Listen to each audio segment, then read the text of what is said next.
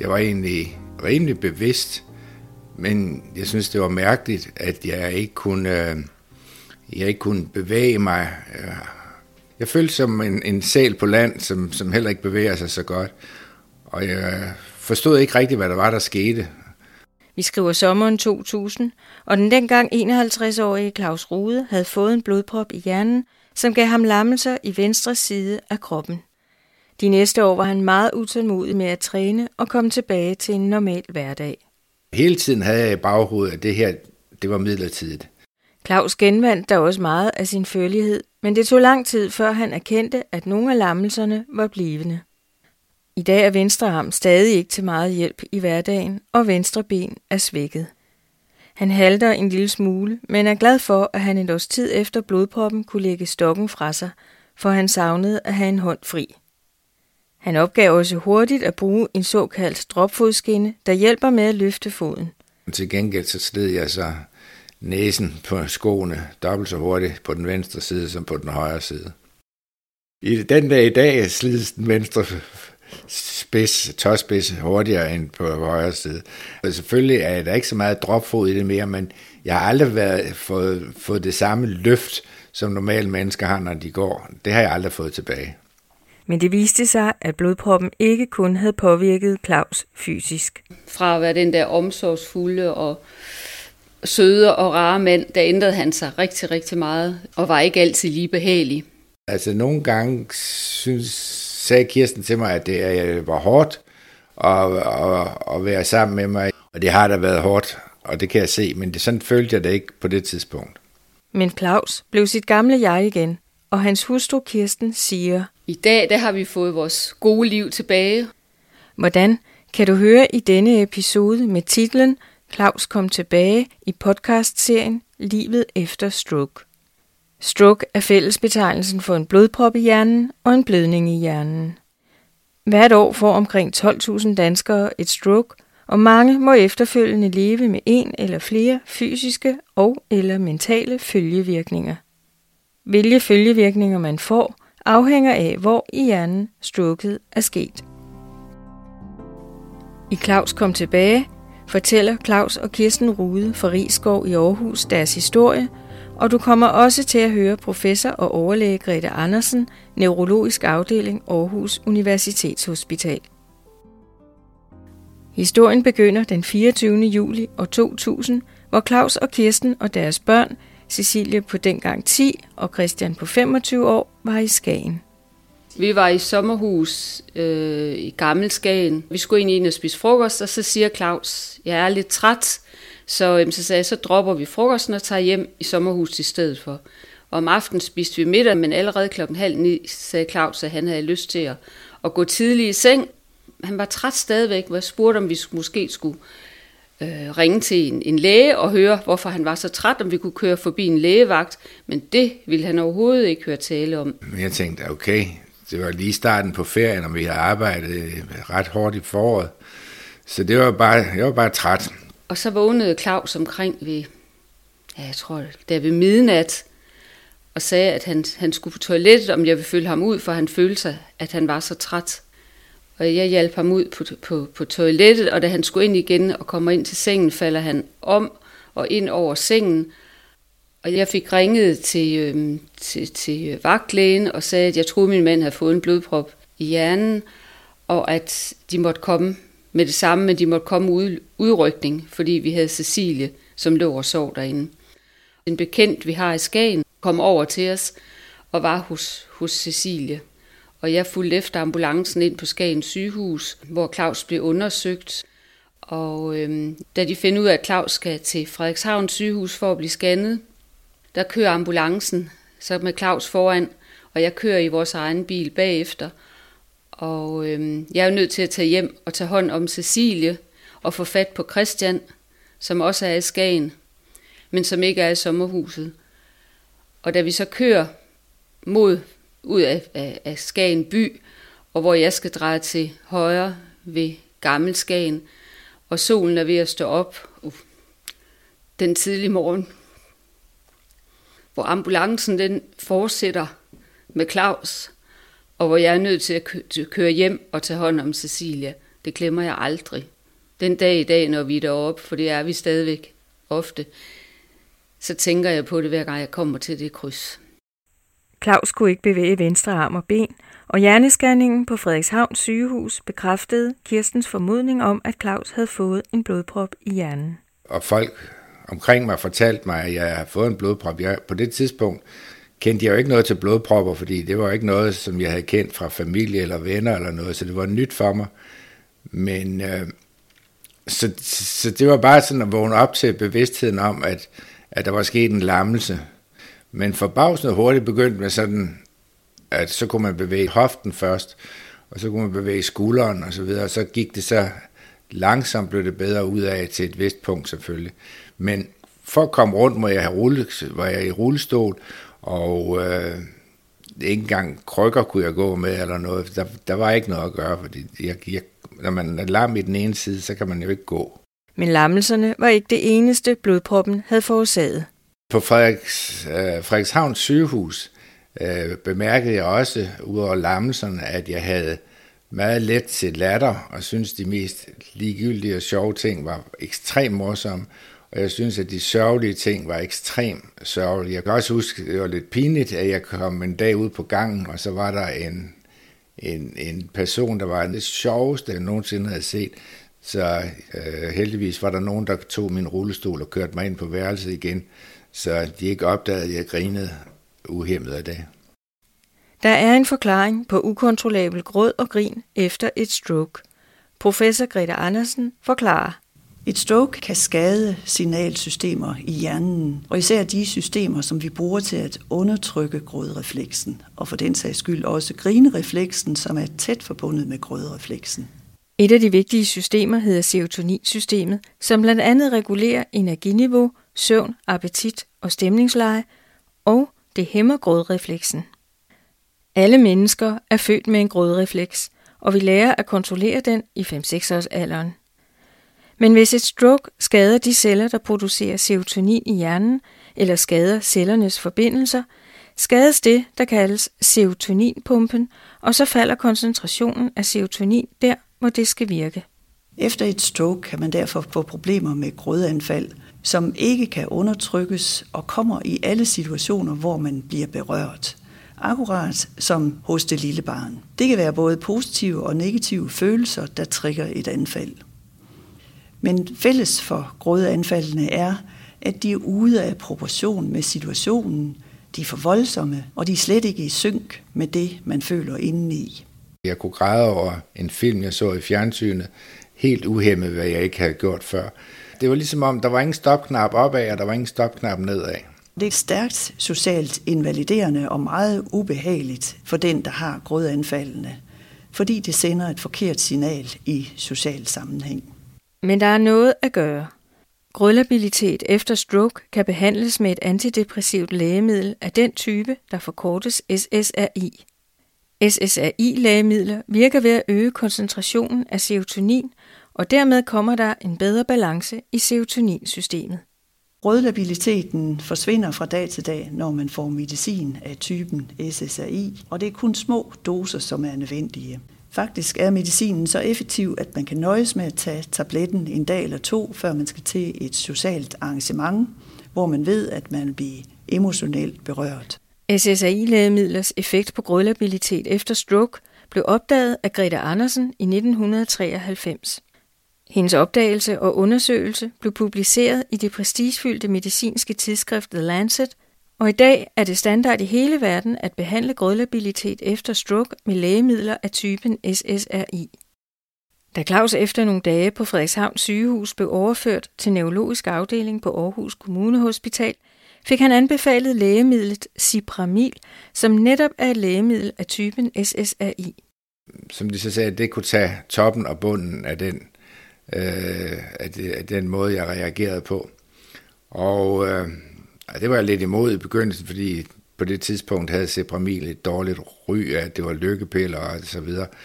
Og det var ikke det, jeg havde brug for, synes jeg. Men jeg tog dem alligevel, og det var som et mirakel i løbet af 24 timer, så holdt den der overdrevne grin og gråd op.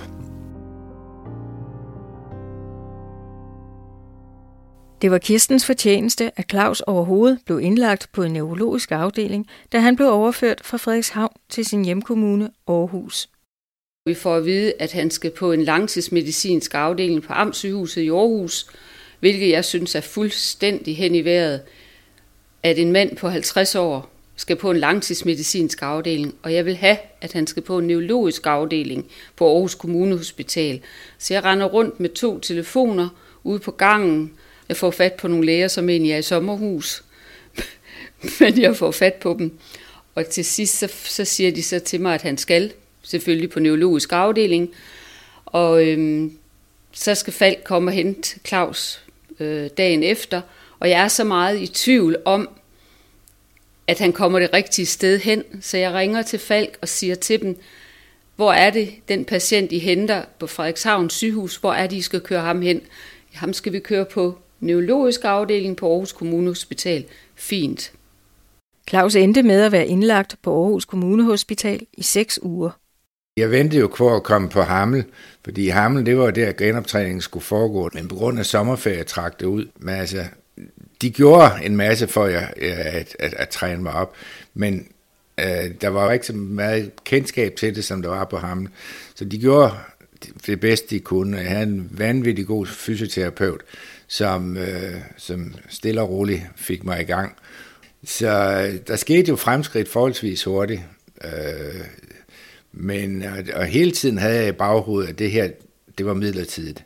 Hvis jeg trænede hårdt nok, og hvis jeg blev ved hårdt nok, så, øh, så ville jeg blive, så ville jeg blive 100% normal. Men de gjorde også opmærksom på, at jeg skulle passe på ikke at træne for meget, fordi at det, der skete, det var jo, at nye dele af hjernen overtog nogle af de processer, der var gået i stykker. Og, øh, og det kunne simpelthen være for hårdt, og hjernen kunne ikke følge med. Det var der flere, der sagde til mig, at det skulle jeg altså respektere. Det var svært. Efter sommerferieperioden kom Claus til det, der i dag hedder Neurocenter Hammel, hvor man er specialister i at hjælpe mennesker, der har fået en hjerneskade, med at genoptræne tabte funktioner. Så var han jo heldigvis hjemme i weekenden. Jeg hentede ham hver fredag. Der sad han stadigvæk i kørestol. Og vi har et hus med, med trapper, så det var noget af en udfordring. Jeg kørte ham tilbage til Hammel mandag morgen, og hjalp ham med at få sit træningstøj på, og gik så ned og købte friske blomster og stillede dem op til ham.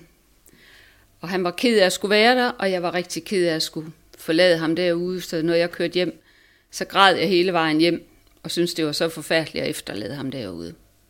Desværre skete der også det, at der var en læge, der foreslog mig, at det der med Cepramil, det skulle jeg holde op med, fordi det var der ingen grund til at blive ved med at tage i lang tid. Der stoppede man med pillerne, øh, og der fik han virkelig et dyk jeg kom tilbage til, til den situation, hvor jeg udover at grinede og græd, så blev jeg også øh, deprimeret, og jeg synes det hele var håbløst og alt muligt. Og, men det påstod man på ham, at det der var, det var unødvendigt at, at, at, at øh, tage Sepramil. I dag, i Bak, set tilbage ud, må man nok sige, at det var en stor fejltagelse.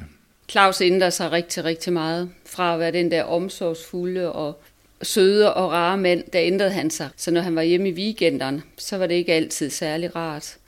Og han var ikke særlig sød over for, for nogen af os, hverken over for, for, for, og især ikke over for Cecilie, som han nogle gange kunne sige nogle grimme ting til. Og hvor jeg så blev rigtig ked af det og sagde, at, at sådan skulle han ikke tale til Cecilie. Så siger Claus til mig, hvorfor tuder du? Så sagde jeg, for jeg synes, det gør ondt det her. Så sagde han, godt, så lykkedes det for mig at få dig til at græde. Og det var jo slet, slet ikke Claus. Sådan var han jo slet ikke. Jeg havde, jeg havde slet ikke overskud af tanke for, for familien på samme måde, som de havde over for mig. På Hammel kædede Claus sig og var utålmodig med at træne. Der var jo lagt op til det store, og øh, da jeg kom derud, og fandt ud af, at det kun var halvanden times træning, plus det jeg selv kunne lave, så var det måske to, to og en halv time i døgnet, og resten af tiden, der skete der ikke spor.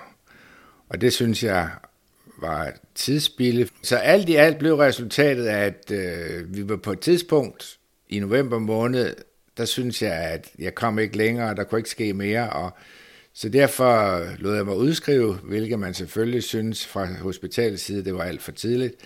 Men jeg overgik så til at få fysioterapi og træning to gange om ugen hos den lokale fysioterapi, øh, hvilket var i mine øjne lige så godt, plus det jeg selv kunne gå og, og træne og så videre.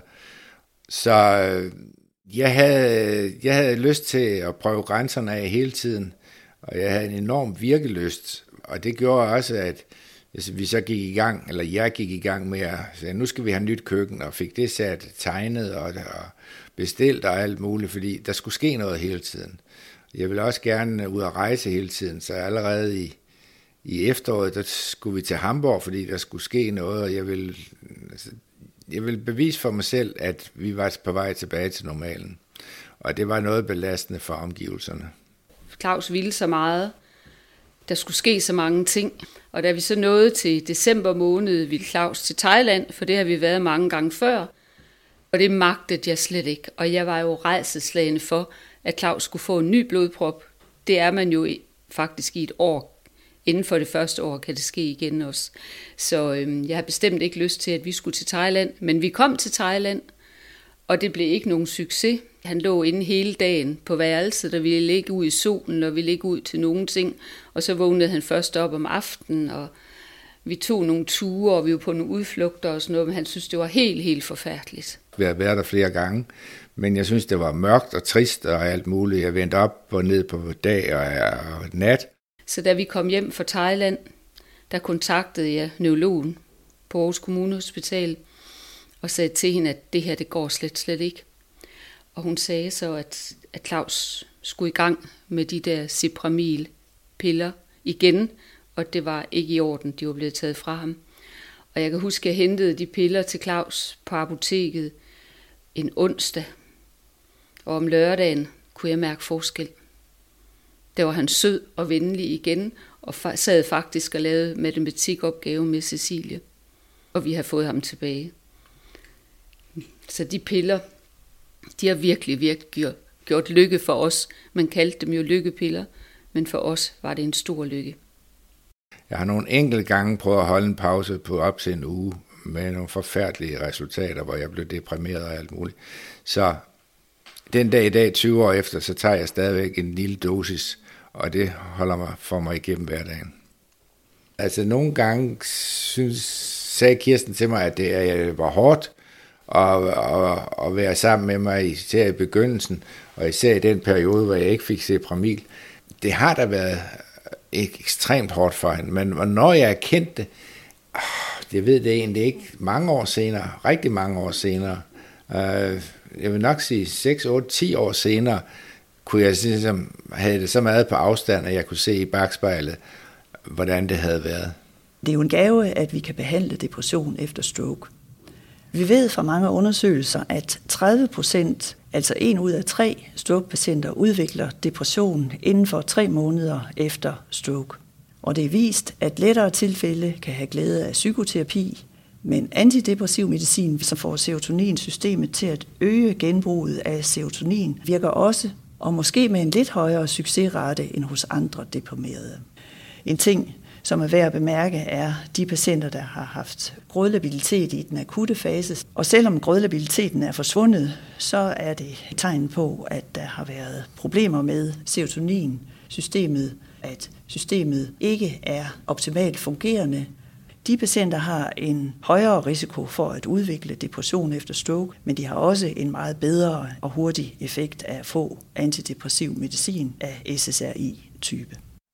Der er selvfølgelig også andre ting, der påvirker risikoen for at få depression efter stroke. For eksempel er der kroppens stressreaktion. Vi skal huske, at et stroke sætter kroppen i alarmberedskab og dermed en stressreaktion. Det sker ved al akut sygdom, og det forstyrrer hjernens evne til at fungere. Derfor er det også vigtigt, at man ikke forcerer at komme tilbage til en hverdag, sådan som man havde det før.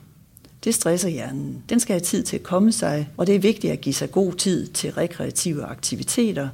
Det skaber nye forbindelser mellem hjernecellerne. Claus var så optaget af at blive fuldt funktionsdygtig igen, at han ikke havde så mange tanker for, hvordan hans blodprop havde påvirket børnene. Det var meget centreret om, at jeg skulle videre, og jeg skulle fremad.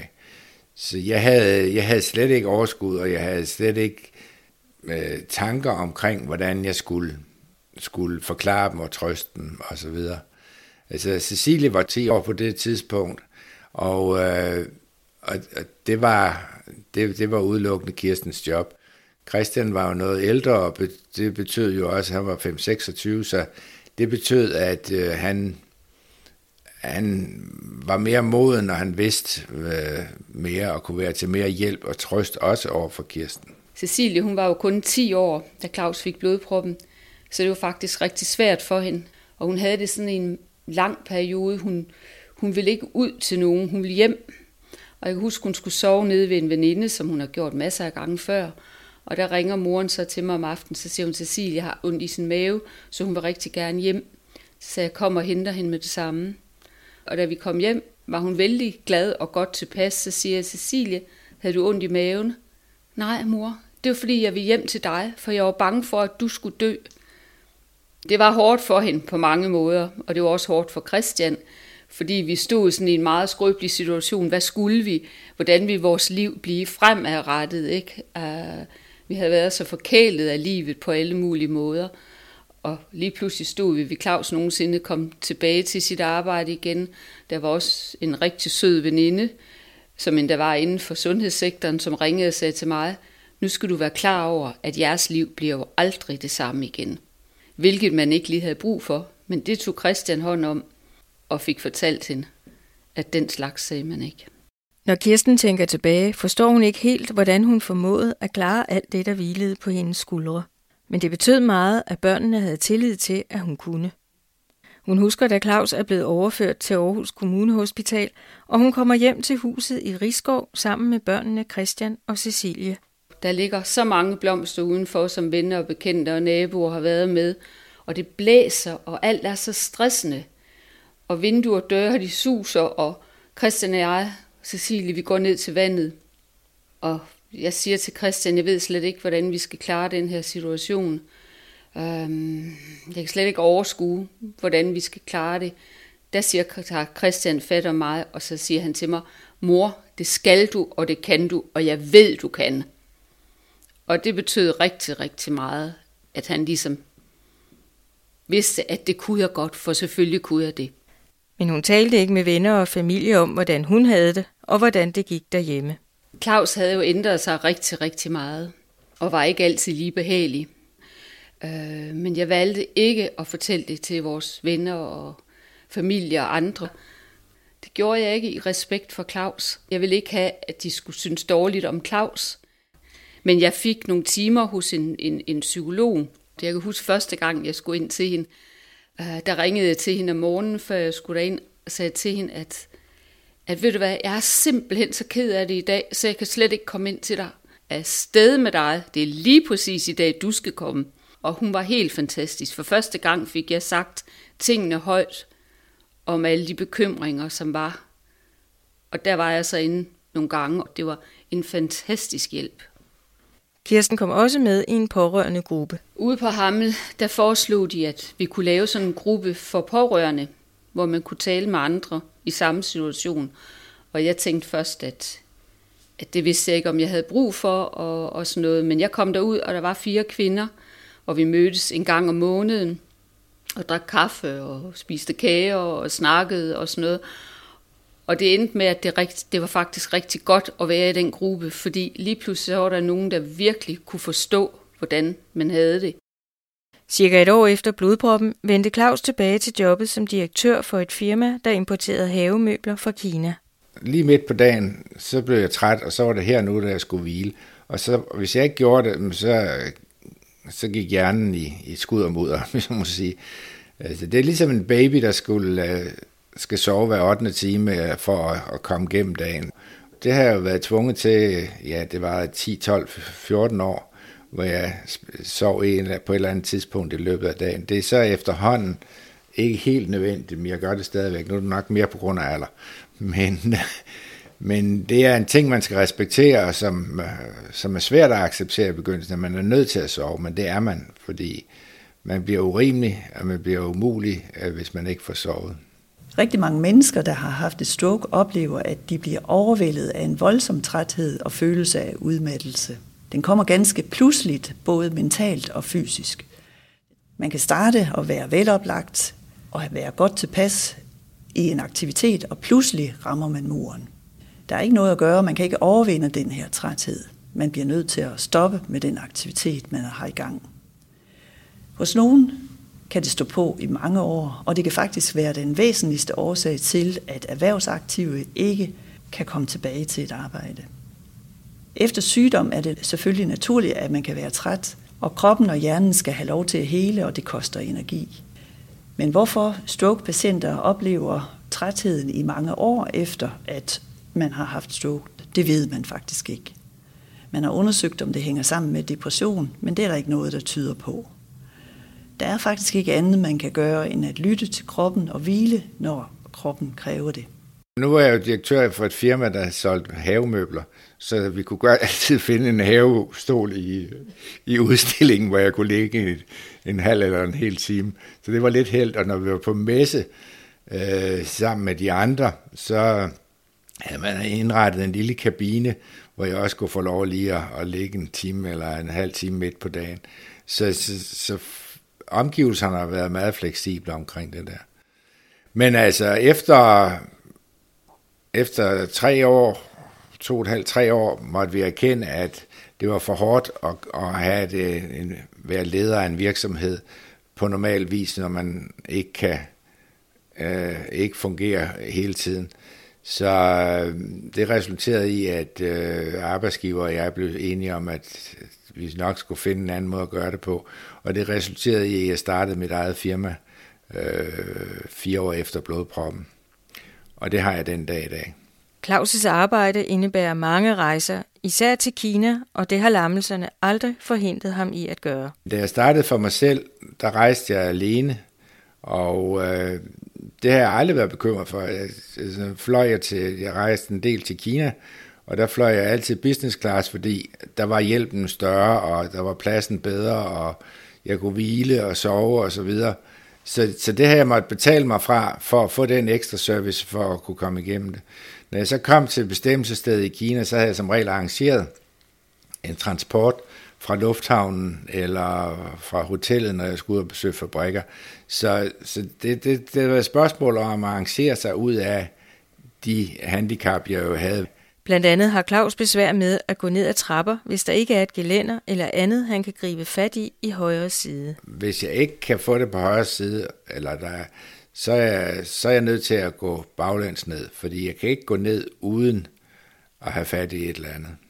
Op, det betyder ikke så meget. Det er nemt at gå op ad trapper, med og uden øh, rækværk.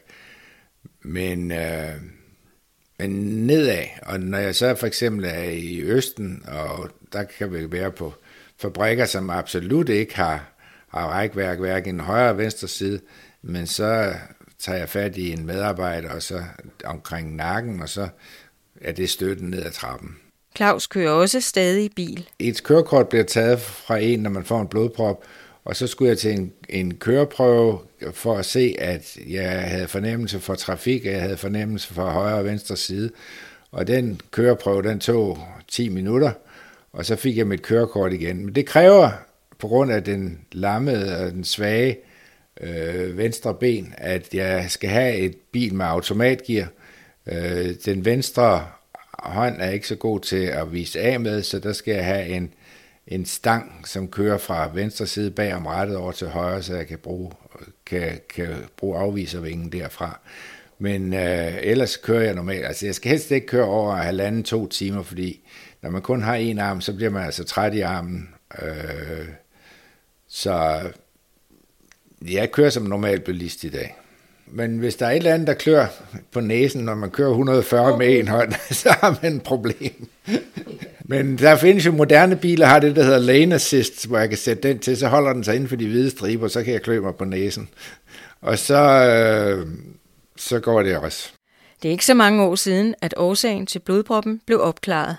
Umiddelbart efter blodproppen ledte vi jo efter en grund til, hvorfor jeg har fået en blodprop. Uh, vi kunne konstatere, at blodtrykket var lidt højt, og jeg blev kom til forskellige scanninger af halspulsåren og alt muligt, men de var ikke forkalket, så det var ikke der, det var. Så da jeg var holdt op med at være i hotel, uh, hospitalregi, så fandt, havde jeg egentlig ikke en forklaring på, hvad der skete. Det var først flere år senere, i forbindelse med, at jeg havde haft nogle smerter i galleblæren, og jeg blev scannet, at øh, man fandt ud af, at øh, mine nyrer var noget forstørret, og det blev så undersøgt, og det viste sig, at det havde været grunden til et for højt blodtryk. Med baggrund i blodproppen blev jeg selvfølgelig sat i behandling med forskellige blodtryksmidler, og øh, da jeg så var omkring nyrerne, kom jeg på nye afdeling, hvor jeg bliver holdt i snor en gang om året. Hvordan har Claus og Kirsten det i dag, foråret 2022? I dag vil jeg ikke sige, at jeg føler, at jeg, at jeg er handicappet. Hvis vi planlægger et eller andet, så tænker jeg ikke på, åh, kan jeg nu gøre det, eller er det nu bliver besværligt eller ej. Altså, alt falder naturligt. Altså, det er først, når jeg står i situationen, jeg nogle gange kan være udfordret med, at jeg ikke lige kan gå op og ned ad den trappe, eller et eller andet andet, eller løfte den ting og gøre den ting, men så tager vi det, når det er der. Altså, det er ikke noget, som på nogen måde hæmmer vores hverdag. Der er altid en udvej, der er altid en anden måde at gøre tingene på, og øh, i, mit, i mit virke som forretningsmand har jeg jo været vant til at sige, at det kan godt være, at det der ikke kan lade sig gøre, men så må vi finde ud af en anden måde at gøre det på. Og øh, det har jeg altid, min, det har altid været indstillet på, at man skal prøve at, at finde en udvej. Der er altid en udvej af en eller anden art. Det kan godt være, at det ikke er optimale, men så må vi bare få det bedste ud af det. Altså, det, det er ikke nyt for mig. Jeg er stadigvæk erhvervsaktiv, og øh, det lægger jeg meget vægt på at have noget at stå op til. Det er ikke et fuldtidsjob, men der går der adskillige timer hver dag med det. Stadig med handel, primært med øh, Østen. Vi har, et, vi har det, man vil kalde et godt liv, et, øh, et trygt liv, et sikkert liv, økonomisk godt liv. Vi gør stort set, hvad der passer os. Vi føler ikke, der er begrænsninger i, at jeg har haft en blodprop for 21 år siden. I dag der har vi fået vores gode liv tilbage. Vi har det godt sammen, og vi fungerer godt, og vi er rigtig gode til at være sammen, og vi er rigtig gode til at nyde livet.